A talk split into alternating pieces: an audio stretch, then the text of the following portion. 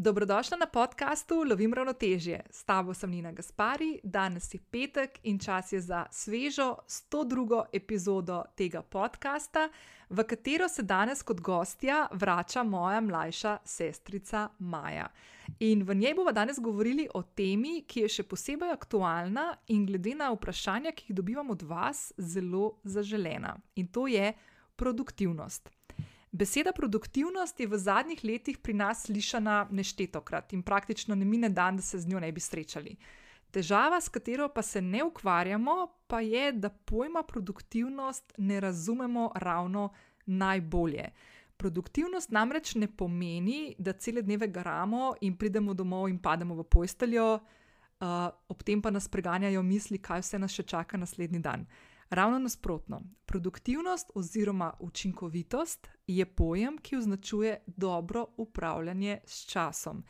To pomeni, da se naučimo skozi različna urodja, ki jih uporabljamo, in spremenjenim načinom razmišljanja, da enako, enako obseg dela opravimo hitreje.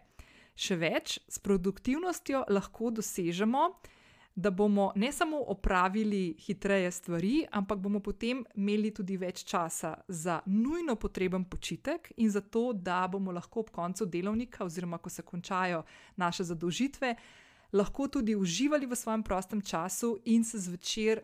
Brez nekih težkih uh, občutkov in misli, kaj vse nas še čaka, ulegli in zadovoljno zaspali. Naša neorganiziranost in neproduktivnost pomenita, da smo kot ladja brez krmarja, brez motorja in brez jader. Pomeni, da se prepuščamo, da nas tok vodi sem in tja, in da nas na koncu dejansko ne pelje nikamor. In do večje produktivnosti lahko pridemo samo s tem, da se znamo boljše organizirati. In to pomeni, da organiziramo svoje delo in svoj čas. Uh, s tem, ko bomo bolje organizirali svoje delo in čas, bomo posledično postali bolj produktivni, bomo lažje dosegali cilje, ki se nam mogoče še zdaj zdijo nerealni ali pa kot neka oddaljena želja. In enostavno ne bomo več kot tista ladja brez motorja, ampak bomo imeli motor v svojih rokah in bomo s svojimi jadri znali sami upravljati, tudi v katero smer bomo šli. In z Majo smo v zadnjih tednih ugriznili v to temo in naredili en eksperiment. Maja je namreč samo zaposlena, samo hranilka triletnega dečka. In pred poletjem, se je odločila, da želi v svoj vsak dan pripeljati malo več organiziranosti in ugotoviti, na kakšen način lahko svoj čas bolje razporedi in si pridobi več časa zase, zato da bo lahko poskrbela zase, nabrala energijo za nove izzive v življenju. In svojo pot in pogled v različne sisteme upravljanja s časom in delom, ter predvsem izkušnje z različnimi vajami in urodji, ki jih je pri tem uporabila, smo vključili v nov vodič in delovni zvezek Produktivnost Delaj pametneje, ki ga lahko najdeš na povezavi v zapisu te epizode. Do konca tega meseca pa bo cena vključevala 20-odstotni popust. In z Maja bomo v tej epizodi spregovorili o ključnih menikih, ki jih je prepoznala in spoznala, ter na koncu tudi upeljala v tem času v svoje življenje in kako se vse to skupaj pozna v njenem vsakdanu. Podpornik današnje epizode je podjetje Malinca, ki že 8 let svojo blagovno znamko ekološke prehrane in naravne kozmetike uspešno nadgrajuje tudi s kakovostnimi in naravnimi prehranskimi dopolnili. V tem mesecu so svojo bogato ponudbo še razširili in sicer z domačo granolo, ki prihaja v dveh okusih in ti jo predstavim nekoliko kasneje. Preden skočiva v današnji pogovor z Majo, te vabim, da če še nisi prijavljena na podcast Lovim ravnotežje, to lahko storiš zdaj prek aplikacije, na kateri trenutno poslušaš to epizodo. Vedno sem vesela tudi ocen in mnen, ki mi jih lahko pustiš na podcast aplikaciji ali pa se mi oglasiš na Instagram. Najraje vidim, da je to na Instagramu, kjer se ti bom najhitreje tudi odzvala. S prijavo oddaja ocene in mnenja na aplikaciji, prek katere poslušaš podcast, pomagaš, da zanj slišijo tudi tebi podobne ženske in moški. In tudi tokrat lahko spodaj v opisu najdeš povezavo do zapisa epizode, kjer te čakajo še vse druge povezave, ki jih bova danes z Majo omenili v tej epizodi. Pa skočiva v pogovor z Majo. Hej, Maja, le kako imam seksi glas danes. Sorry, ampak uh, danes snimava tale najmen pogovor za 102. epizodo podcasta, en dan preden bo objavljena, jaz sem že full živčna, zato ker sem že cel teden uh, virozna in ležeča, in sem imela pet podkastov ta teden za posnet, in me je pred vsakim ful skrbel, če bom sploh lahko govorila, ker imam res čist počen glas. Ampak, ajde, ne bo, kako si? V redu, a so ti tisti tableti za glas, ki pomagali? Um, ej, mislim, ja, ampak zdaj sem ga vzela tako, po mojem, eno uro nazaj in je že tako mal, mal minil. Ampak mimo grede, ne, uh, full hudi tableti. Uh. Za poslušalke in poslušalce, če kako se jim reče? Uh, Gelo Revoice. Gelo Revoice v lekarni se dobijo 8 evrov, pa neki dejansko, dejansko se umiriti uh, kašljanje, to. No? Tako da ja. Danes sem po noči vzela ga. ker sem full kašljala. Ja, jaz sem slišala, da to celo uvaža oče od ene od naših pevk, no, da ne bi tudi pevci zelo pogosto posegali po njih, zaradi, um, za, mislim, za boljši glas, zato ker imajo kakšne težave z glasom. No. Tako da jaz, ja, enkrat, pred... ko sem bila tako čist, čist, čist, čist, čist brez glasu, uh, sem vzela in res, mislim, 24 ur kasneje se, sem, sem imela glas skoraj že, skor že 100%. No. -huh. No, no, pa tudi pred, pred predavanji jemljajo ljudje, sem tudi slišala, mm. včeraj, ja, tako da, ful dobro. Um, ok, deva, deva mi dve ugrizen to temo, ki smo si jo za danes pripravili. Pa bom jaz samo en tako uvod naredila, no? mi da se že kar nekaj časa o teh stvarih pogovarjava, o produktivnosti. Pa za vse tiste, ki mogoče niste poslušali tistih nizov, mislim, da je bo šest epizod od 24 do 9, vključno 29, mislim, da sem jih lani enkrat pomladi ali pa pred poletjem objavila na temo produktivnosti, bom samo en tak uvod naredila. No? Uh, Ker rečemo produktivnost, oziroma Maja, ti si uh, lepšo besedo slovensko našla, učinkovitost. Um, pomeni, mi si jo tako doskrat predstavljamo, da beseda produktivnost ali pa učinkovitost pomeni, da bomo uh, toliko bolj delali, ne, pa bili toliko bolj pridni, zdaj uporabljam tako zelo slovenske izraze, ne, pa besedne zveze, da bomo lahko v osmih urah dela naredili ful več. Um, produktivnost dejansko ne pomeni to, ampak pomeni ravno obratno. Produktivnost pomeni, da enak obseg dela upravimo hitreje. Uh, ker uporabljamo določena urodja ali pa načine, tehnike, o katerih bomo danes malo z Majo govorili, ki nam pomagajo pri tem, da uh, poskušamo biti časovno čim bolj optimizirani, da znamo upravljati svojim časom, ki je najpomembnejša valuta v našem življenju in ki je, ko ga enkrat zapravimo, ne dobimo več nazaj. Uh, in uh, s tistim časom, ki nam ostane na voljo, upravljamo tako, kot si želimo upravljati. Ali ga preživimo s svojimi družinami, prijatelji, uh, poskrbimo zase, gremo delati kakšne hobije, gremo na telesno aktivnost in tako naprej. Um, zdaj, Mi dve, ko smo se pogovarjali o produktivnosti, naj še povem to, da mi dve ne bi mogli imeti bolj različnega življenjskega stila. Uh, Medtem ko jaz sem podjetnica in živim doma in živim sama in nimam otrok, si ti tudi podjetnica uh, in si tudi samohranilka, se pravi, da živiš do, od doma, delaš. Uh, uh, imaš doma uh, vsaj pol dneva, če ne več, uh, enega tri in pol letnega fanta, ki, ki ima mravlje uriti, uh, in je pri tebi upravljanje s tvojim časom nekaj čist drugega kot pri meni. In mi dve, ko smo se pogovarjali o tem, kar si parkrat omenila, da imaš s tem kar vizive in da ne veš, kako bi upeljala neke produktivnostne tehnike v svoje življenje. Pa boš malo tudi povedala, pol Maja, kako izgleda tvoje delo, pa kako um, kako dobivaš zadožitve, oziroma naloge, oziroma projekte, ki jih delaš, uh, ki je tudi to malo drugače pri meni. Um, sem ti jaz malo namignila, da mogoče malo pogledaj, kakšne tehnike, pa urodje, o katerih sem jaz že govorila, oziroma sem jih že predstavila, pa tudi uporabljala, in si ti to zdaj v zadnjih mesecih delala. Ja, sem v bistvu poskušala. Ja. Ja.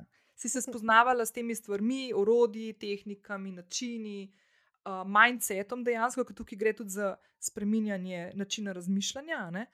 In um, pol smo pa na podlagi tega, kar si se ti zdaj v teh zadnjih parih tednih s tem precej ukvarjala, smo mi dve zdaj skupaj naredili še um, en e-book, ki gre prav danes, ko ta podcast uh, gre live uh, gre ven in um, ta e-book vključuje, uh, je vodič in je delovni zvezek. V bistvu vključuje te opise teh tehnik, načinov razmišljanja, kaj ti lahko pri tem pomaga, različna urodja in tako naprej. In ti omogoča z določenimi vajami, da sam pri sebi razmišljaš, kako bi lahko določene stvari v svojem življenju, v svojem življenjskem ritmu ki ga ima vsak od nas drugačnega, določene stvari upeljal, da ti bodo res pomagale na koncu pri upravljanju tvojega časa. A sem prav tako povedala? Ja. Ok. no, in zdaj prva stvar, ki sem se jaz mal mislila dotakniti, je. Um, Ko govorimo o produktivnosti, ne, pa tudi mi, da so potem v ta e-book dali uh, različne segmente, uh, ki jih vsak od nas, sigurno v življenju, uporablja ali pa se z njimi srečuje. Um, katera je tista stvar, s katero si ti začela? Oziroma, da je mogoče povej, da prej gremo na to, da je mogoče majati malo povej, kako poteka tvoj vsak dan. Pa ne rabiš za vsako malenkost, ampak kako izgleda tvoj vsak dan, pa kako izgleda tvoje delo oziroma ta čas, ki ga namenjaš za upravljanje eh, dela in projektov, ki jih delaš službeno. Okay. Um, zdaj, tako jaz, uh, jaz sem samostojna podjetnica, uh, je pa tako, da uh, delam pretežno z eno stranko, uh, ki sem jim na voljo vse čas. Uh, ukvarjam se z uh, urednikovanjem spletnih strani, uh, za različne svetovne trge, in um, v bistvu naloge pač prihajajo, ko je treba postaviti novo zadevo za en trg. Se, se osredotočiš na ta trg, prihajajo si dokaj podobne si naloge, sicer v vsak mesec pač za drugi jezik in tako naprej. Um, ampak prihajajo ob različnem času, um, okay, zave, pač zavedajo se naročniki, da da imam otroka, da pač delam od 8 do 4, 9 do 5, to je pa to. Um, ampak ja, pač pri meni ni tako, da bi imela neke projekte uh, v smislu. Ali tako kot prej, ko sem delala kot novinarka, ko sem zjutraj dobila zadolžitev, ko je bilo treba do konca dneva, do izida časopisa ali od, uh, predvajanja oddaje pač opraviti, uh, ali pa ko, kot sem delala v marketinški agenciji, ko smo se pač osredotočili na en projekt in smo potem ta projekt furali do lonča in potem tudi po lonču. Um, tukaj v bistvu prihajajo uh, naloge, včasih imam zadolžitve, gledaj, tole je za naslednje dva dni, uh, včasih pa dobim, gledaj, tole je treba narediti v naslednjih dveh urah in je to treba poštimati. Uh, um, nekega konkretnega planiranja, kar se tiče uh, dela, razen za tiste največje sklope nalog, um, ga niti ne morem imeti. No. Um, tako da v bistvu, in to je ena od stvari, ki smo se, se tudi mi dve, mi dve pogovarjali, ne, um, da pri meni je malenkost, malenkost drugače, oziroma se mislim, da ima, da, da ima veliko ljudi, konec koncev, tudi, ki delajo v različnih podjetjih, zelo podobno, ne? da pač naloge uletavajo, tako kot rečemo. Ne? No, se to um. sem hotela zdaj tudi jaz dodati, ne? da se mi zdi, da tvoja dinamika dela. Mogoče je lahko bistveno bliže nekomu, ki je, naprimer, zdaj, ki to posluša, ne zaposlen v kažem podjetju, ali pa tudi kažemu samostojnemu podjetniku, ki dela na tak način kot ti. Uh, uh, ko dejansko ti uletavajo stvari in z danes na jutri težko načrtuješ, pa bo potem povedali, kakšne stvari mogoče. Ki meni, na primer, sedajo v mojem upravljanju časa, pa si ga ti, na primer, ne moreš, um, nekako si, si ne predstavljam, kako bi ti to naredila pri, tvojem, pri tvoji dinamiki dela. Ne? Ampak definitivno imaš ti precej podobno uh, dinamiko, kot sem jo tudi jaz se spomnim, imela, ko sem bila še zaposlena v kakšnih podjetjih, pa agencijah, in tako naprej. Ne? Tako da, da ne bomo zdaj tukaj uh, mi dve, kot samostojni podjetnici, govorili, ker je tukaj teh stvari in načinov dela tudi med samostojnimi podjetniki bistveno, bistveno več kot samo eden, da, imamo, da upravljamo s svojim časom, kot si želimo. Ne? Tako. Hmm, ok, in zdaj um, ti, na primer, imaš uh, uh, projekte, ki jih dobivaš. Tako kot si rekla, lahko imaš nek deadline, ne, ki lahko, naprimer, lansirate neko novo spletno stran, uh, uh, jo je treba preveriti, preden gre live in tako naprej. Naprimer, imaš, ne vem, zdaj bom banalizirala, pa malo karikirala, ampak rečemo, da čez dva tedna damo neki ven, ali pa ne vem, 1. novembra štartamo. Máš ti tukaj neki čas, kjer lahko ti nekako manevrsko bolj razpolagaš, kdaj si boš kakšno stvar v dnevu razporedila, da boš do tistega dneva imela vse stvari poklukane, ki jih imaš za poklukati. Uh, Máš pa potem stvari, kot ti naprimer pošljajo in ti rečejo, da le smo opazili neko stvar, treba jo hitro rešiti in tukaj pol ti v bistvu premakne in zamakne stvari, kjer imaš ti možnost upravljati in imeti časovno malo bolj raztegnjene, ti uleti noter neka prioriteta. Ne? Tako, tako. In v bistvu jaz kot. Um, um, po eni strani nekaj ne, neki, neki novinarskega imam še v sebi in to je tisti občutek, da, um, um, da je v bistvu fajn delati samo takrat, ko ti je že malo voda lije v grlo, kar se tiče deadline-ov. Po drugi strani pa ravno zato, ker se borim proti, proti temu feelingu. Um, Ves čas sama na sebe pritiskam, um, da ko dobim nalogo, tudi če, tudi če dobim nalogo, ki je recimo rok čez dva dni ali pa celo čez en teden, se um, imam jaz vse tisti feeling, jaz moram to čim prej podelati. Tako je -hmm. zdaj. Ne? In sem pripravljena tudi kakšne druge stvari, uh, ki niso tako nujne, uh, zamakniti. Čeprav bi recimo imela čas za porihta druge stvari, ampak enostavno je tisto, ok, nekaj sem dobila za narediti, da moram pa to takoj zdaj narediti. Mm -hmm. um, tudi če navodila niso taka. No, sej jaz razumem, jaz sem podobno stvar. In če ti nekaj smem povedati, uh, da to je ena stvar, ki se tudi veliki umi in uh, ljudje, ki jih tako odblizu malo spremljam, pa, jih, pa mislim, da imajo že vse pošlihtano v življenju, imajo iste stvari. Tako da deadline je lahko največja motivacija in tisto stiskanje do konca, do zadnjega, do zadnjega trenutka. Uh, pa mimo grede, evo, alo, da imam primer. Jaz sem naslednji teden, točno čez en teden, naslednji četrtek eno predavanje za Coca-Colo za mlade, za mlade. Oni organizirajo neka predavanja prek Zuma za mlade. In imam predavanje eno urno, ki ga imam v glavi že sestavljenega, sicer ne. Tako se že zadnje par dni ali pa dva tedna ukvarjam s tem, kako bi to zapeljala. Ampak po mojem bom pa prezentacijo delala v torek pa v sredo. Ne? Ja, ja. No, tako, pač smo, smo realni in vem, da zdaj le bo vikend in se pripričujem v glavi, da mogoče bi bilo pa fajn to v nedeljo narediti, pa verjetno ne bom. No. Tako da ja. Um, ok, se pravi, ena od stvari, ki naprimer, e, ena taka produktivnostna taktika, ki se jo jaz učim, pa lahko priznam, da zdaj le si me ful spodbudila s tem, kar se pogovarjava o tej temi, da se malo spet lotim, ker sem malo zanemarila, zdaj le spoh čez poletje, ki je bilo pa tako, je tako imenovan time batching. Uh, to pomeni, da uh, podobne naloge ali pa tipe dela dajemo skupaj. Naprimer, jaz naprimer, poskušam imeti tako, da. Um, podcaste, naprimer, snemam v enem dnevu. Ne? Ali pa, naprimer, imam sestanke, pa jih dam na en dan, pa potem administrativne stvari v kažen dan, pa kreativo na drug dan. To je neka taka stvar, ki pri tebi je bistveno težja. Uh mhm. -huh. Ja, jaz tega praktično ne morem, tega, ker pač dobim materijale, ko jih dobim. Ne? In dokler jih ne dobim, uh, pojma nimam, kdaj jih bom dobila, in dokler jih ne dobim, um, pač ne morem več narediti. Uh mhm. -huh. Tako da pa tudi delaš v ekipi. Ne? To moramo še povedati na drugi strani, na tvojem naročniku, ja. oziroma rečemo zaposlovalcu, kako koli, na kakršno koli obliko zdaj gledamo. Um, je pač neka ekipa, ki konec koncev diha kot nek organizem in eno drugega ste odvisni, kdaj bo kdo nekaj oddal. Ne? Tako, tako. S tem, da nismo odvisni samo.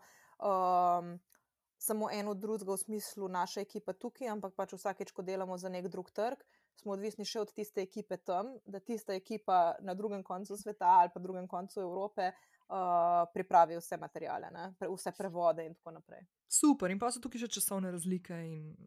Skratka. Skratka, človek bi lahko rekel, da je ti tak klasičen primer tega, da slišiš nekdo, ki si ti, na primer, produktivnost, verjetno ti pade malo tema na oči in si misliš, da je kako ni mogoče, to je nemogoče. Ne? Ja, Okay. No, ampak da bi pet, da greva malo nazaj, pa bo tako pogledali. Okay, se pravi, problem imaš s tem, kako nekako organizirati svoj delovni čas na način, da je nekako tako, da lepo teče. Uh -huh.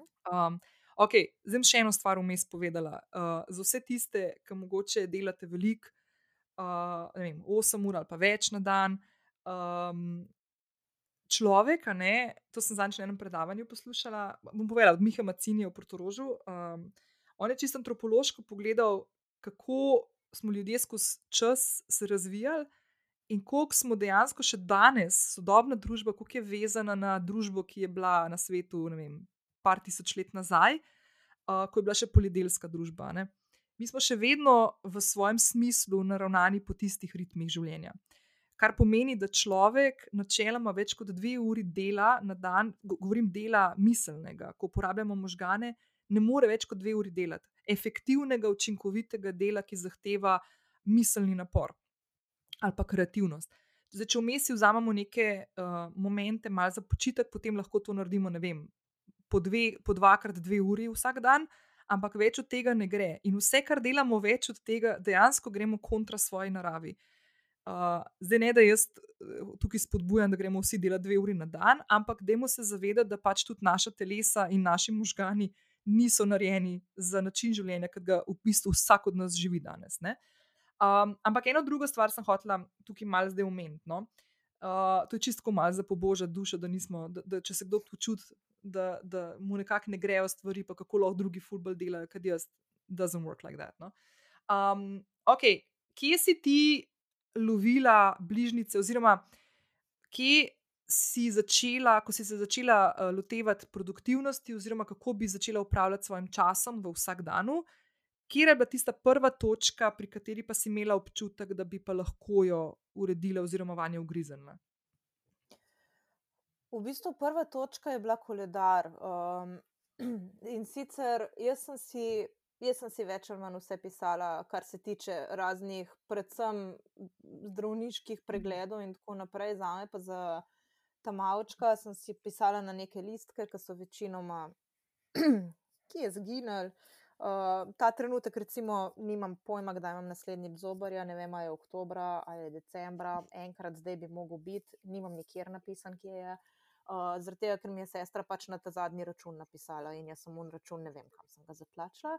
In to je bilo to. Uh, in ker sem se v bistvu začela v tem uful zgubljati, sem najprej na zasebnem področju začela te stvari urejati. Um, in sicer sem si dobesedno v Wordu naredila tabelice z, z tedni, pa z dnevi noter, en tak koledarček in si ga sprintala.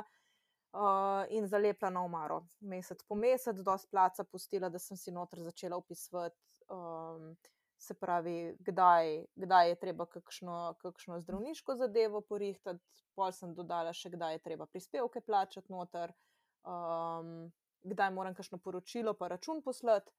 Um, In potem noter, kdaj še kakšno malenkost dodam. No? Ampak to je tisti zasebni del koledarja.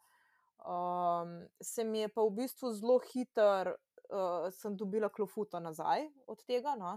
Um, ker dokler sem doma, ni problem, ker pa tega nisem dajala um, v koledar tudi na telefonu.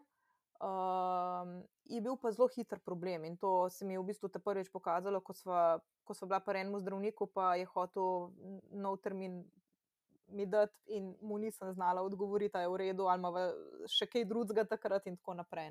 Um, tako da doma mi to ful dobro funkcionira, dobro mi je tudi, da je na veliko. Da, um, če se s kom pogovarjam o tem, kaj. kaj uh, Kam grem popovdne, kam lahko greva s tam malim popovdne, ali pa drug teden, ali karkoli takega, da lahko pogledam uh, in takoj vidim. Um, hkrati pa ja, je problem, ker je pač fizično doma in ko mene ni doma, jaz tega koledarja pač nimam več.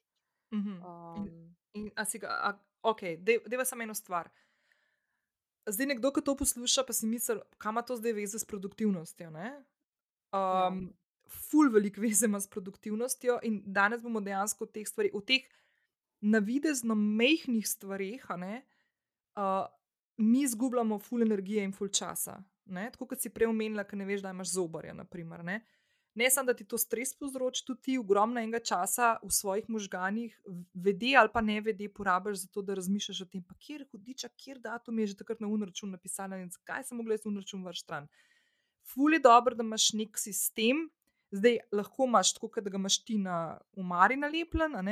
Ali pa ga imaš vem, digitaliziran, ali pa v kakšni platformi oziroma orodju, med drugim smo jih en kup našteli tudi v tem e-booku, um, da imaš to digitalizirano, tako kot si ti rekla, da pač potem tudi, ko greš doma, te stvari vidiš. Ne? Ampak dejansko mi ogromno energije in časa um, in miselnega, uh, kapacitete miselne, zato sem prej omenila tiste dve uri časa, ki mi lahko miselno delamo in ustvarjamo vsak dan. Uh, tle ful časa zapravimo in so take malenkosti, ki zgledajo malenkosti, ful pomembne in res odločilno lahko vplivajo na to, kako mi čez dan uh, peljemo neke svoje delovne zadožitve in sicer druge stvari, ki jih počnemo. Ok, zdaj me pa zanima, kaj pa zdaj naredila za naprej s koledarjem. Uh, v bistvu sem si jih zdaj, ko smo pripravljali te stvari, uh, sem si odprla še Google koledar uh, okay. in začela predstavljati stvari tudi tam noter. Uh, tako da to je ful dobr. Pa um, v bistvu, ko smo delali to, to, te stvari, jaz sem, imela, jaz sem imela ta problem pri Google koledarju, da nisem vedela, kaj dati noter. Zlasti, ok, popoldne tiste, tiste zadeve, ki jih imaš popoldne v privat life, v redu, to že daš noter, imaš neke termine, ampak predvsem uh, z vidika službe, ravno zaradi narave mojega dela, se, nekaj, se, se, se ne morem nič vnaprej dati jaz noter v ta koledar. Ne? Um, in mi je v bistvu ful pomagal, uh, pa sorry, če bom zdaj že šla naprej, v bistvu, no? ampak uh, ful mi je pomagal to, da uh, ločimo uh, med nalogami uh mhm. -huh. In med, uh, med upravki. -huh. Da mhm. pač ni treba vsake, vsake naloge, um, vsake naloge dati v koledar, uh -huh. um, ampak daš noter tisto, kar je dejansko nek upravek. Um, in da koledar lahko zgleda tudi tako, da si samo označaš od 9 do 12 delam, pa imam pa kot silo. Uh -huh. um, in to mi je tako, um, ko si mi ti to povedala, sem uh -huh. dejansko, ko se mi je full velik kamen odvalil od srca, tega, ker jaz sem, jaz sem dejansko zaradi tega, okay, zdaj, se, zdaj bi se pa jaz rada zorganizirala. Mi je to. Uh -huh preletel v, v glavo, v miselni proces, kot joj, še ena zadolžitev, še ena stvar, ki jo moram narediti, ker že tako kot ne handlam vsega drugega. Mm. Um, in sem lahko ful, kar, kar malo anksiozna, preden sem se sploh začela teh stvari lotevati. No. Um, da itak bom pograla, itak mi navratila, itak ne, mhm. se, nimam niti ene rutine normalne v lifeu, kako bom pa zdaj še to si ne, iz tega naredila rutino, ki je pa ful zahtevna stvar. Um, Ampak ja, ne, pač opra, opravek, ki ga daš v koledar, je lahko tudi tri ure dela. Ne. Naloge so mhm. pa pol druga stvar, ki jih imaš pa pač druge na, na nizane. Mhm. Um, ok, zdaj, ko smo ravno pri rutinah, bomo eno mini pauzo naredili, da jaz še eno stvar povem, ki mogoče na prvi pogled nima veze s produktivnostjo, ampak dejansko je pa ful pomembna za vsak dan pa uh, imam eno kratko sporočilo za te. Preden z Majo nadaljujeva pogovor in ugotoviva, kako je Maja začela upravljati svoj čas, kako uspešna je pri tem, kateri so bili največji izzivi, katera urodja so bila tista, ki so jo najbolj pomagala, ti želim predstaviti novi granoli, domači granoli iz Malince.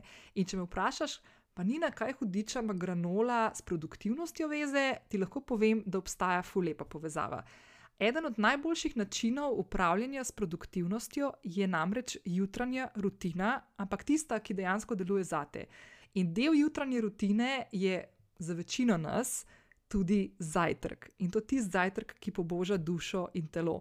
Jaz lahko povem, da zadnjih nekaj mesecev sem bila sicer na slanih zajtrkih, ki mi jih pripravlja ponovadi moj partner, in uh, so narejene s takimi omletami, koronskimi omletami, ki vsebujejo vse tiste stvari, ki so fine za dvig imunskega sistema in da se dobro počutimo in da nas res nahranijo.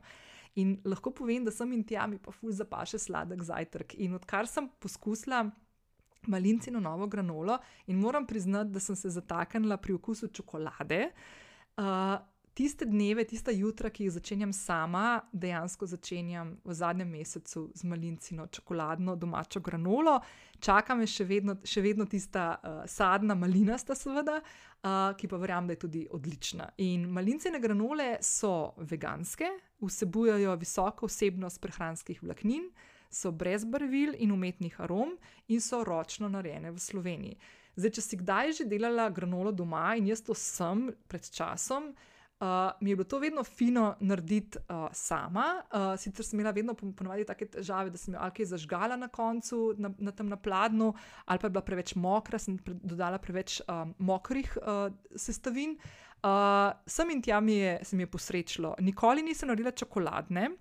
In moram reči, da ta iz malince mi je res ful dobro, ker je tako lepo hrustljava.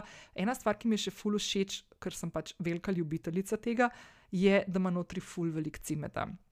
In zdaj, kako si jaz svoj zajtrk pripravim? Uh, ponavadi uporabim, uh, če, če le imam doma nek rastlinski uh, jogurt, jaz imam furada enega takega um, iz um, mandljev, uh, pa mislim, da je kokos, mandljev kokos okus. Uh, potem dam notri granolo, uh, potem dodam malo medu, ki mi je ful všeč. Uh, gor poskušam dati kakšno sveže sadje, zdaj le naprimer v tem času, ko so še fige, ko so ti zadnji vzdihljaji fig. Uh, dodam še fige ali pa kakšne sveže borovnice, maline, mogoče kakšno jabolko, banano. Uh, in potem na koncu na vrhu potresem še malo cvetnega prahu. Naprimer, to je taka moja, uh, moja skledica jutranja, polna granole. Nove domače granole iz malince lahko dobiš na njihovi spletni strani malinca.si. Povezavo najdeš tudi spodaj v zapisu in v zapisu epizode. In pri nakupu, ob koncu nakupa, lahko ujameš še 10-odstotni popust, če pripišeš kodo s popustom ravnotežje 10. No, zdaj pa gremo naprej s pogovorom. Uh, in da nam Maja razkrije še kakšno uporabno informacijo iz prve roke, kako je potekalo lovljenje produktivnosti v njenem življenju. Ok, še ena stvar, ki smo ravno pri jutranji rutini, pa zajtrku. Uh, tudi to je, ni nujno, da ima vsak zajtrk, ti je že zajtrk, zdaj ponovim. Ne. Ne, ne, okay. ne kaj ne. sem hotel povedati, je v bistvu to, kjer so prej ostali, a ne pri koledarju in kaj si ti ugotovila um, že s tem, ko si naredila razmejitev med opravki in nalogami, in kaj je tisto, kaj sodi v koledar, in kaj ne. Je to spet ena taka stvar, kot za vse ostale stvari, vedno, ne, da je treba najti nek način, ki za te dela. In jaz vedno, ko se lotevam nekih vsebin, poskušam se postaviti v vlogo tudi drugega človeka. Naprimer, v tem primeru tebe, ki imaš drugačen življenjski stil, kaj bi bilo tisto, kar bi lahko tebi pomagalo, ki je lahko čist drugače od tega, kako jaz te stvari delam in kako meni pomaga. In bi fur rada te stvari izpostavila spet za poslušalke in poslušalce, da vsakeč, ko spremenjamo neke take stvari ali pa rutine, to sem že pri jutranji rutini govorila, ko smo se pogovarjali o eni od epizod, kako jo sestavljamo. Ni fora v tem, da ti pokopiraš jutranjo rutino nekoga drugega ali pa začneš vstajati ob petih, zato ker si uno knjigo prebral, drobi na šarme. Lej, če ne moreš vstajati, če nisi jutranji človek, pač ne, ne greš zjutraj tega delati, ne, ne greš vstajati v petih. Naprimer, Ni zdaj fora v tem, da boš ti zdaj full uspešen, če boš v petih vstal. Lahko boš full uspešen, če boš ob sedmih vstal, ne? ali pa ob devetih, pa delaš, kas, pa, pa, pa zamakneš delo kasneje. Treba je se poslušati pa svoj naravni ritem uh, telesa. Seveda, če, če imaš tukaj to možnost, ne? jaz imam mogoče malo več kot ti, ne v tem trenutku, ampak ful je pomembno, da res iz sebe izhajaš. In zdaj, naprimer, ti si omenila, da si imela eno od večjih tesnobnih situacij, ki si se začela koledarja lotevati to, da si bila ful, ful pod stresom, ker nisi vedela, kaj noter dati, oziroma zato, ker imaš to kot odprto, kar se dela tiče, ker ne veš, da boš kakšno stvar dobila in boš mogla na hitro narediti. Da nisi mogla te stvari fulbr razdeliti. In tudi to je ok. Mimo grede, jaz sem včasih v koledar dajala od zajtrka, meditacije, vadbe, uh, vsega. Tako, če sem imela počečkan koledar, by the way, še z različnimi barvami, ne valjda, za vsako od struktur in kategorij. Uh, lahko imaš pa bistveno bolj tak, da diha koledar. Ne, da vem, da si daš vem, od 9 do 12 delam, pa si naredila kosilo, pa bom pa spet delala naprej. Uh, tako da, kako, kako si zdaj, um, kje imaš ti zdaj še največje izzive, kar se koledarja tiče, pa nalog, pa upravkov, pa, pa tega? Uh, v bistvu imam največji izziv. Uh, hm ker jaz nimam rute, jutranje rutine ali kakršne koli v bistvu rutine. Um, okay. Moja edina rutina je pač ura, kdaj, kdaj moram pobrati otroka v vrtu, najkasneje to je to. Um, Dobro, to ni jutranja rutina. To, to, to ni rutina, ne, ja. ne jutranja, ne popoldanska. Um, v glavnem, um, ja, jaz si moram dobesedno postaviti. Um, Postaviti strukturo dneva, se pravi, ko jaz pridem od tega, ko odložim otroka v vrtu domov.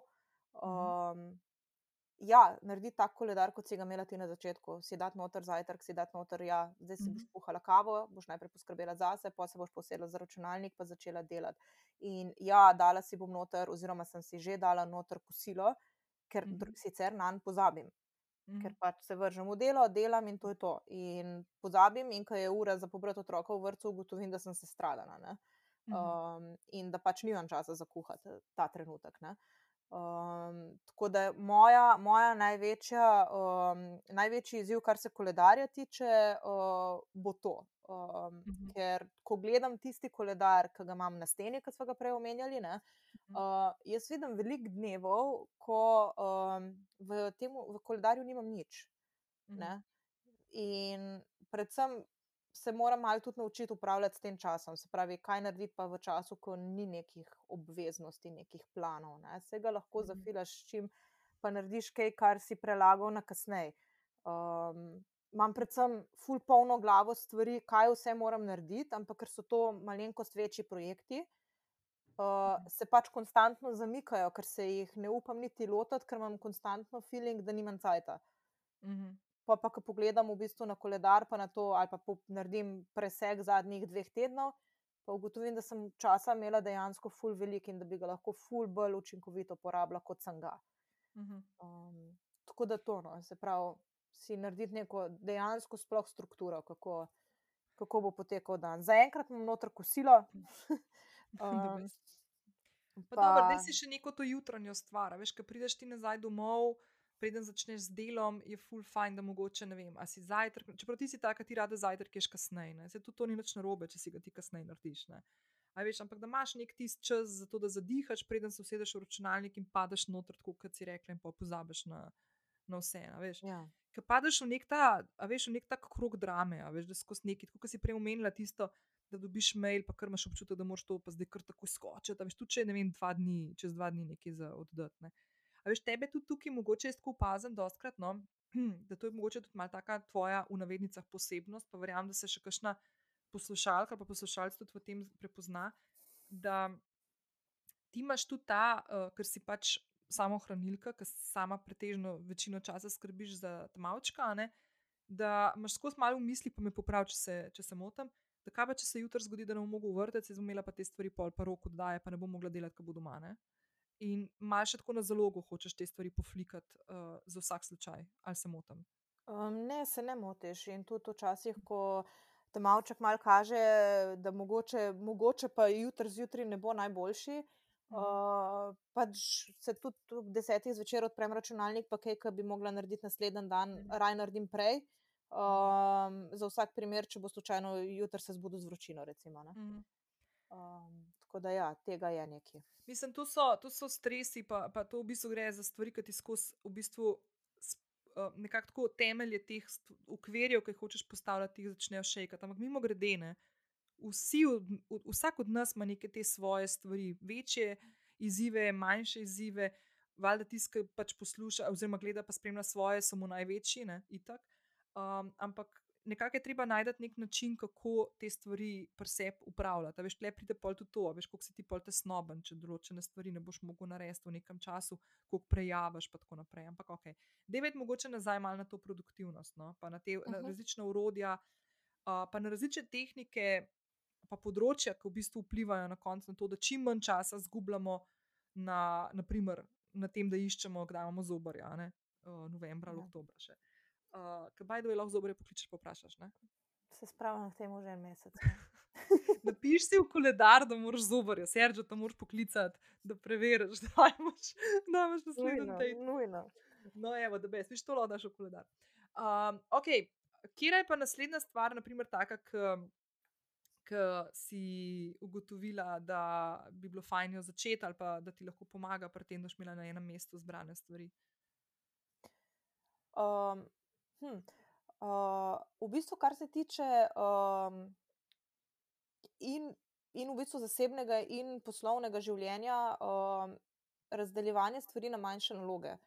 Uh, prej sem omenila, da imam fulejnih projektov v glavi za porihtati um, in da se mi vsi zdijo tako ful enormni. Ne? Uh, in ko smo se mi dve pogovarjali o tem, da okay, de, mislim, kaj pa če si razdeliš stvari, tako kot dobesedno v, v raziskovalcu na, na, na drevo, ne? Okay, ne vem, tvoj projekt je, kaj jaz vem, pre, um, ali po- postavite en trg uh, na jobu, ali to, česar se jaz zdaj lotevam, kar je ureditev otroške sobe. Ne? Um, mislim, ta celotna, oba izraza, ne, postavitev novega trga, pa ureditev otroške sobe, sta tako ful, enormna projekta. Ne. Ampak, če si jaz to pač razdelim in razdelam in naredim, ok, glej, greš na nov trg, kaj je prva stvar, ki jo, ki jo boste delali, kaj je druga stvar.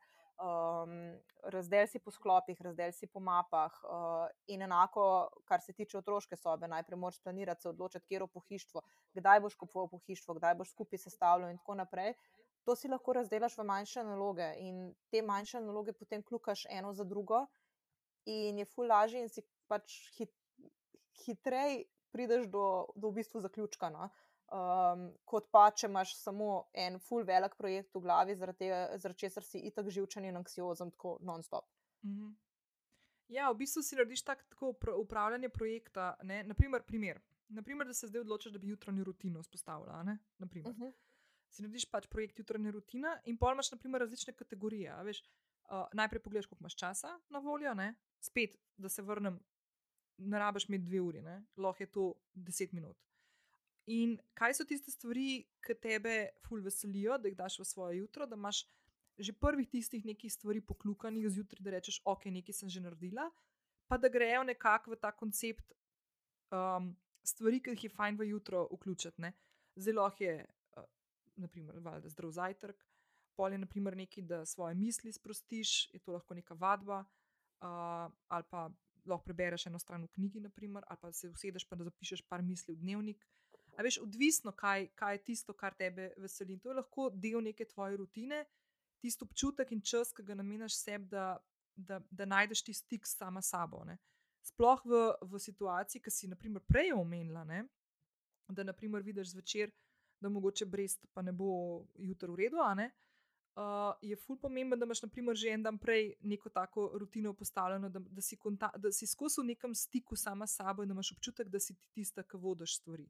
Ker tebi se doskrat lahko zgodi, da mislim, že pri delu in v, doma v življenju je ogromno enih faktorjev, na katere ti nimaš vpliva. Ti imaš bistveno več faktorjev, kot jih imam, naprimer, jaz, ki ti lahko spodnesejo tla pod nogami. Ne?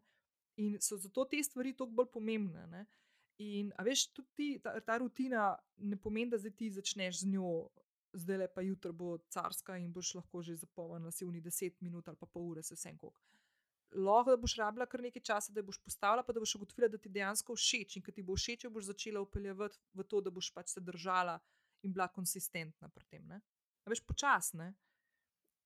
Ja, in, uh, in v bistvu, zdaj, zdaj ki si o tem govorila, mi je, mi je na, na misel padla, um, padla ideja, oziroma to dejstvo, da um, jaz sem včasih ful rada brala, tako res sem se bila sposobna pač zakopati in požirati knjige eno za drugo. Uh, in odkar imam tam avčka, je pač to zelo, zelo, zelo na stranskem tiru. Um, kar berem, so otroške knjige ali pa knjige o vzgoju otrok, to je pa to, pa še teh ne preberem ponavadi do konca. Ne. In imam knjižno polico, na kateri je full knjig, ki sem si jih pač v tem času, v želji, da bi jih prebrala, vseeno nabavljala, ne, pa se jih nikoli ne lotim. Ker ko pogledam na knjižno polico in vidim vse neprebrano, ne, Uh -huh. mi je uno ošitne, tega pa tega nam nikoli prebrala. In se počutim, zdaj, okay, zdaj bom pač ful zvenela točno, lih na robe od tega, kar bi mogel, pa, pa kar bi mogel vsak oseb razmišljati, ne? ampak uno totalno luzersko, Madonna še ene knjige se ne morem lotiti. ne. Um, in ja, tako kot um, eno od orodij, ki smo jih pač midve um, uh, omenile pol v tej knjigi, ne, sta ali Asana ali Notion, se pravi, ne, Uh -huh. kamor pač pišeš neke naloge in tja si lahko daš tudi take stvari, kot si ti omenila za Mhm. rutino, ampak hkrati pa tudi, recimo, ne vem, glede na to, da bi rada full knjig prebrala, si vnesem noter naslove in si pač, če mi to ustreza, v jutranjo rutino dam 10 minut branja. To Uh, sem ti hotela predlagati. Ne? Ja. tako. Ker imaš ti najboljši čas, ko prideš ti iz vrca, ko daš tam avga.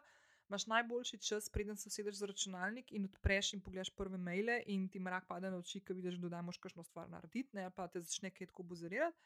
Da pač tisti čas, trenutek si vzameš, zadihaš in pol mirneje te stvari pogledaš, se organiziraš v glavi in tako naprej.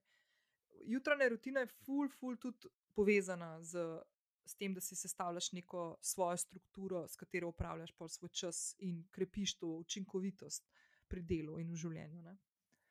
Ja. Um, pa ena stvar, ki je v bistvu tudi ful pomembna in je vezana na, na to, kako se lotevamo dela, pa ne samo dela, tudi stvari v življenju.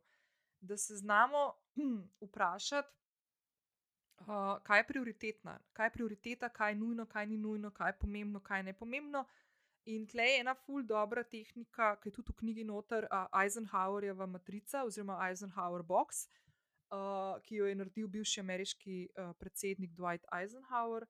In je tako tudi na primerih, ne, kaj, kak, da, da, vsakeč, ko dobimo neko stvar, ali pa, ali pa ne vem, se vseeno. Zobar, ne? Je pomembno, ali ne pomembno, če se slučajno kakšna stvar zagusti, ali lahko predstavljam, ali je to kritično, da moram iti. Pač, kje so tiste vprašanja, ki si jih za neko zadolžitev, nalogo, dogodek, v privatnem ali pa v delovnem življenju, ki jo dobiš, da se vprašaš določene vprašanja, da znaš popredalčkati določene stvari. Ne? To se mi zdi kritično. Jaz se spomnim, ker sem delala še na eni agenciji. No, vse je dobro, nima, ne naram skrivati, se to ve na pristopu, sto let nazaj. Se spomnim, ker sem enkrat dobila fulejnih stvari za narediti od svoje nadrejene in sem rekla, kaj je pa prioriteta, pa je rekla, vse je prioriteta. Ne more biti vse prioriteta. Če pogledaš, kako si zdaj omenila Asano pa Notion, oba pro programa, ki si jih omenila, ti ne moreš dati na eno in isto točko več stvari. Uh Mhm. -huh. Sploh, če jih hočeš ti časovno opredeliti, kdaj jih moraš narediti. Mislim, lahko ne, ampak vsaka bo imela svojo vrstico. Razen, če jih ne boš v isto vrsto napisal, ne pa boš imel pol, ne vem, tam en megalomanski uh, zapis uh, v uh, taska. Ne? Ampak načeloma, vedno moraš ugotoviti pri sebi, kje stvari so tiste, ki jih je treba narediti prej in kje so tiste, ki jih lahko zamakneš dol, ali pa celo daš nekomu drugemu za narediti, ali pa celo jih zbrišeš. Ne? Tako da. Um, ok. Uh, še ena stvar, ki po mojem, da mi povej, če se motim, ampak ena stvar, kjer se, kjer po mojem, ti nimaš, imaš to že kar urejeno, uh, so dokumenti. A nimaš? ok, the best. Ok, da bomo pa jaz le, zdaj bom malo več govorila, vidim. Uh, ful dobro za moj glas. Ampak ja, um, kaj, kaj re, rečemo, dokumenti. Ne? Jaz, na primer, ki pomislim leta nazaj, preden sem si jaz nek svoj sistem naredila, govorim o, o digitalnih dokumentih, o stvarih, ki jih imam na računalniku. Uh, pa jaz imam dva računalnika, imam enega tega fiz, fiksnega, mislim, kako se reče, stacionarnega, pa enega prenosnega, pa pa imam še na telefonu. Sprav, tri iz treh naprav dostopam v moj oblak izbrani, tam imam vse dokumente, tudi o tem govorimo v tej knjigi. Uh, jaz uporabljam Dropbox, naprimer. In um, preden sem si jaz uredila nek svoj sistem, sem v tem, sem v tem da sem iskala nek dokument, full časa porabila. Da ne govorim, koliko sem se preklela, koliko sem se res kodajala, reč ne povem, kakšne interne dialoge sem imela.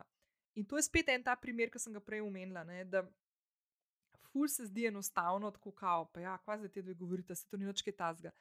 Ful ved, veliki premiki so to. Uh, jaz sem bila sposobna tudi po pol ure in več iskati dokument, ki sem ga iskala. Tako, in ga nisem našla med stvarmi. In zdaj imam, naprimer, tako kot si ti preomenila drevesa, ne, da greš, naprimer, ne, kot so rekli, jutranje rutine, pa pa delaš podkategorije, pa potem pod temi podkategorijami še pod podkategorije. Jaz sem, naprimer, tako narejeno za vsak projekt. Jaz, naprimer, če imam projekt, naprimer, malinca, ki je moj naročnik. Ne? Jaz imam v Dropboxu najprej mapco naročniki, potem imam naštete, pa imam pa mapce noter. Imam mapce, naprimer, malinca. In potem odkliknem na malinco in se mi odpre enako na spet podkategorije, kot jih imam za vsakega drugega naročnika. Naprimer, um, uh, podcast epizoda, uh, ta vsebina, ponudba, ki sem jo pripravila na začetku leta za sodelovanje, nek timeline, ki sem ga pripravila. Uh, potem imam, naprimer, če je to naprimer, nek PR projekt, imam pa noter še adremo, se pravi, kontakte novinarjev, potem imam strategijo, imam noter posebej, ali pa ne vem, foto, video, material. Ne? To so te stvari, ki jih potem imam in točno vem, vsakeč, ko odprem naročnika, točno vem, kje bom našla določeno stvar, ker je že takrat, ko jo začnem shranjevati, vem, kam jo moram dati imam strukturo narejeno. In vsakeč, ko novega naročnika odprem, pokopiram od enega drugega naročnika vse tiste prve mapce, pa pol zbrišem material, kaj noter, pa dam nove materiale za tega naročnika, novega noter. Ne? In točno vem, kam moram iti. Zdaj, pri fizičnih dokumentih ne, je to malo drugače. Zdaj imam sicer fully pospravljeno tole v pisarni, uh, predalnik pa police, ampak načeloma tle, ampak jaz fizičnih dokumentov zelo, zelo, zelo malo uporabljam, no, sem bolj na digitalnih. Tako da, kje imaš ti tukaj izzive, draga moja sestrica?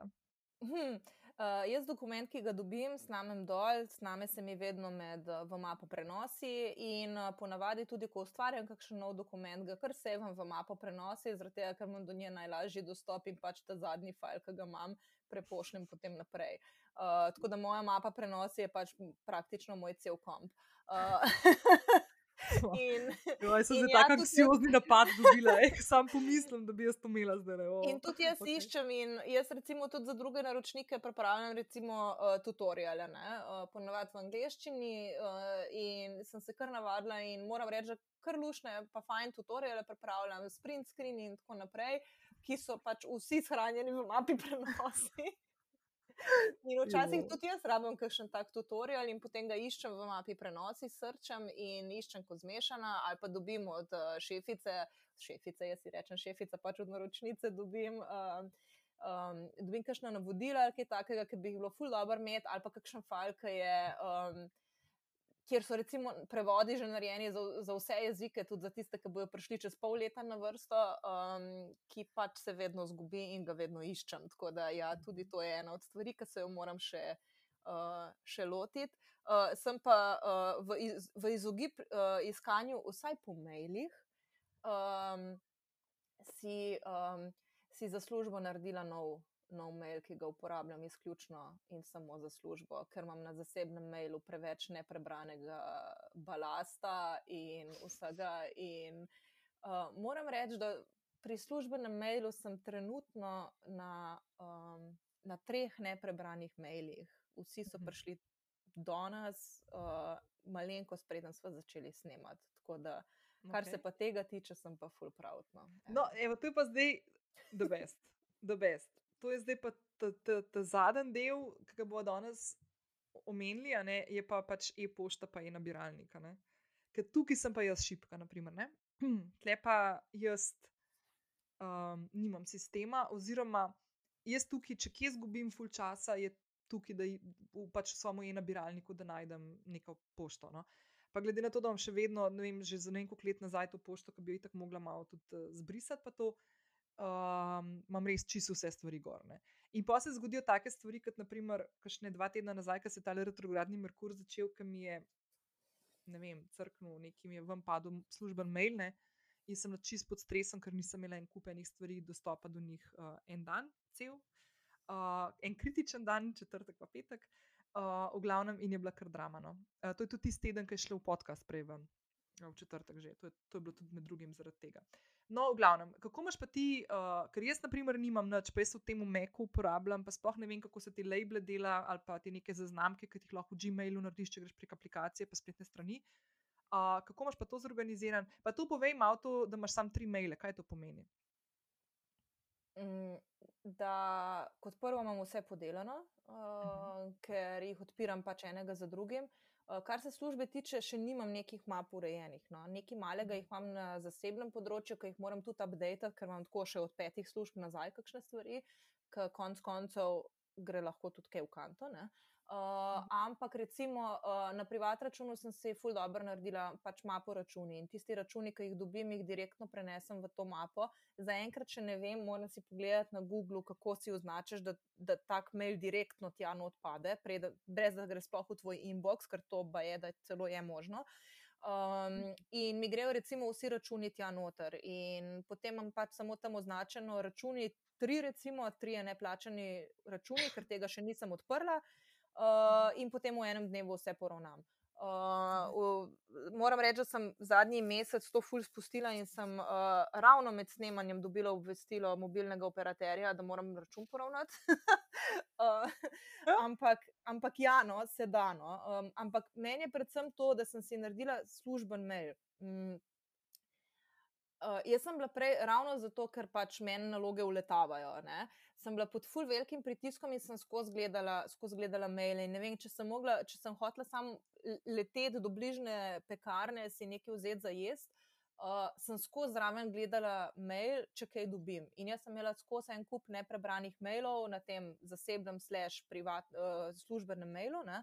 Um, In sem se ful, ful stresirala zaradi tega. Zdaj sem si pa naredila služben mail, za katerega imam naštemane notifikacije, da pač samo za službene maile mi sporoči, kdaj, kdaj dobim nov mail. Uh, in ko grem ven, če mi telefon ne piska, pomeni, da me noben ne rabi. Če mi zapiska, lahko direktno v notifikaciju vidim, ali je zadeva, ki je nujna, ali je zadeva, ki ja, lahko se sprehodiš tistih 15 minut.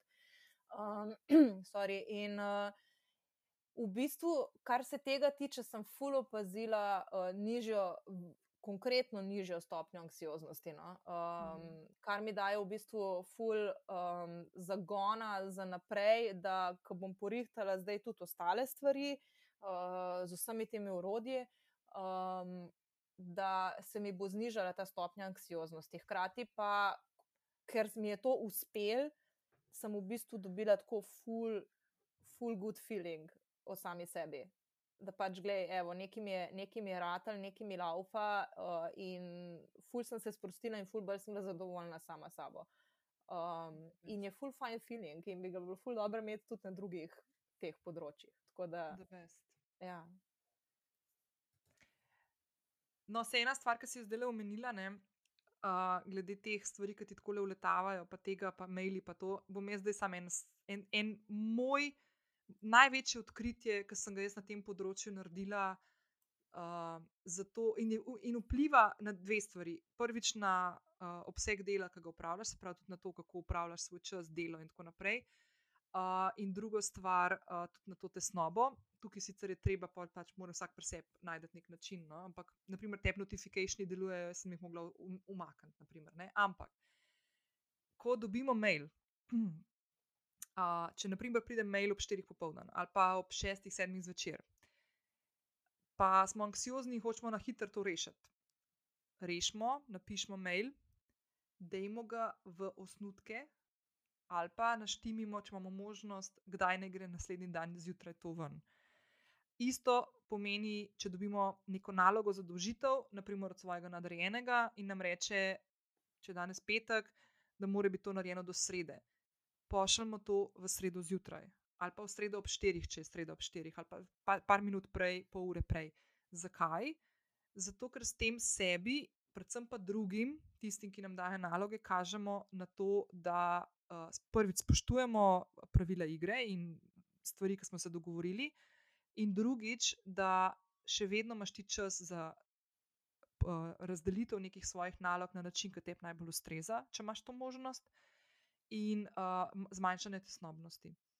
Uh, tisto sekundo, ko začnemo takoj odgovarjati na vse, kažemo na to, da smo vedno na voljo. Pa jaz vem, da je bilo to včasih full fajn, pa da smo multitaskali, je bilo full fajn, pa smo se full hvalili s tem, pa da smo vedno odgovarjali na vsak mail tako, je bilo vedno full fajn. To niso naravna stanja. In nihče ne more od nas pričakovati, da bomo vedno na voljo in na razpolago.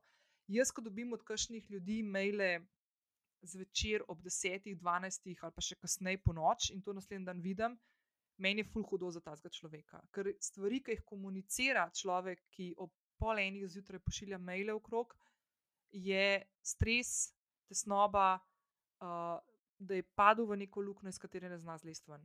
To niso normalne stvari, tako da ne tega delati. Um, in tudi, in hm. tudi zavedati se je treba, kot prvo, uh, Gmail to opcijo ima, da lahko pošleš mail, se pravi, da naštimaš, kdaj, kdaj bo mail šel ven.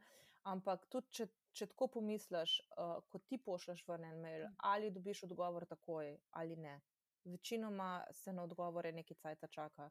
Uh, to ne, ne pomeni nujno, da je oseba na drugi strani zasedena, ampak pomeni, da si je pač vzela čas za tvoj mail, takrat, ko si ga je pač vzela. Ne? In če mi lahko čakamo na druge maile, si tudi mi lahko vzamemo čas na odgovarjanje. Na ja, sej, a veš, se na koncu ne gre, jaz nočem, da to zdaj tako izpade, da se delamo neki hard to get, pa da gre za neke igre. Ne gre za to.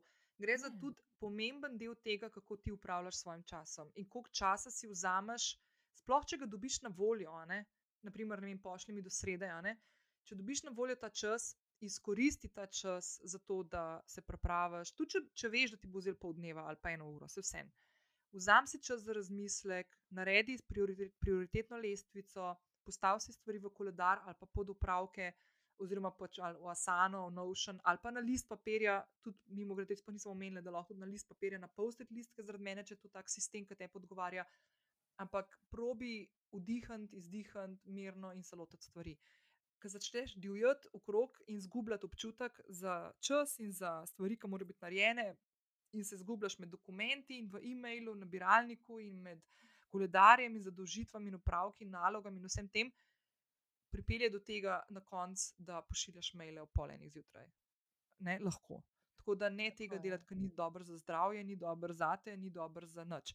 Mimo grede, ena od ključnih stvari, ki jih mi dve zmajo, tudi svoj dali notri ta e-book, uh, je, da produktivnost pomeni, da smo učinkoviti pri upravljanju svojega časa.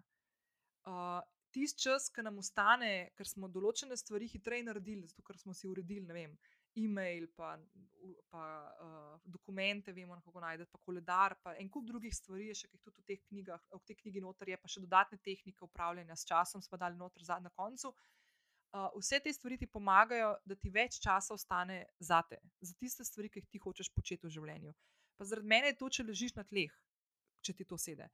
Ali pa da greš na tri urni sprehod vsak dan. Je čisto vse. Uh, ne bo ta čas narejen za to, tisti čas, ki ti ostane, da delaš tiste stvari, ki jih imaš rada ali pa rad, da si s tistimi ljudmi obkrožen, ki ti nekaj pomenijo in te navdihujejo in te napolnijo z energijo in je tvoj podporni sistem, in predvsem za počitek.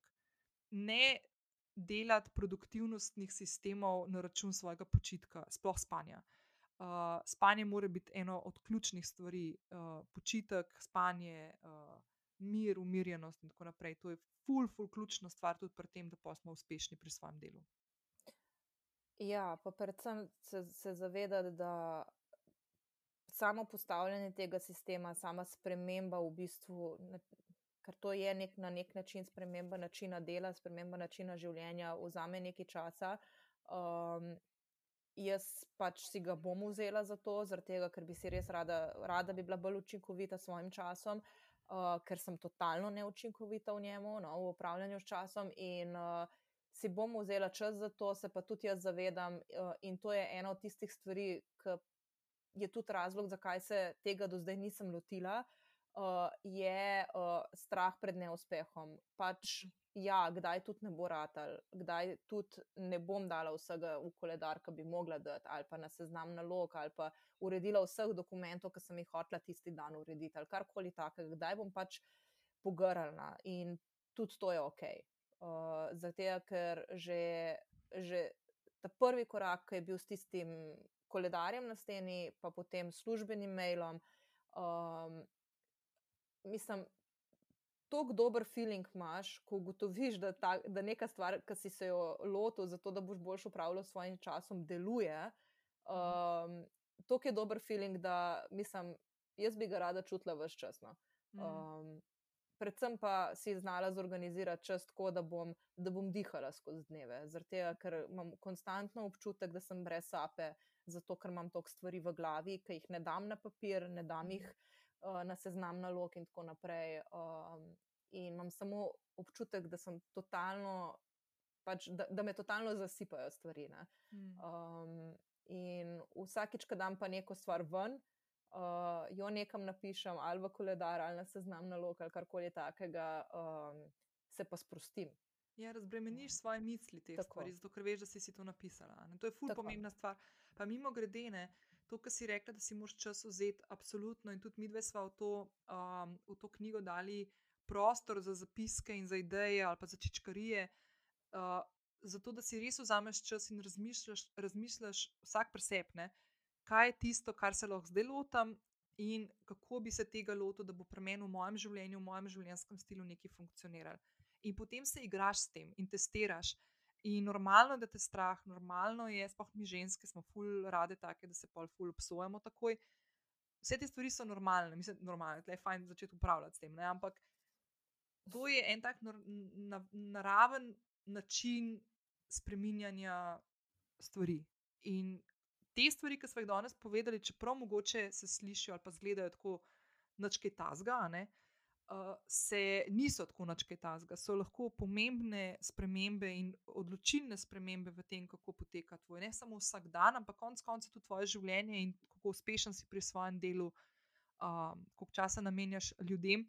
Prejšnji teden, ko sem, sem gostila Cirila, je povedal, uh, kako ga mora njegov najboljši prijatelj upomniti, če se ne boš vzel časa za najmen odnos, uh, lahko da ga ne bo akmal imela. Pač tudi za odnose je to pomembno na koncu. Tako da stvari so ful prepletene med sabo in bistveno bolj, kot si včasih mislimo. Tako da Maja, tudi tebi, ki si rekla, da boš kaj zafrkala ali pa ne boš v koledar dala, zdaj, ki si ga začela upravljati z njima. Ne? Le noč ta zgani, veš, koliko stvari se tako zgubi. Ampak je pa dobro, da imaš nek nastavek narejen, da veš, kam lahko greš, da te stvari urediš. Ne? Tako da je vse gut. Ne? Pa še vedno je boljše eno stvar spustiti, kot pa deset, ki si jih prej. No, tako je, ja, da best.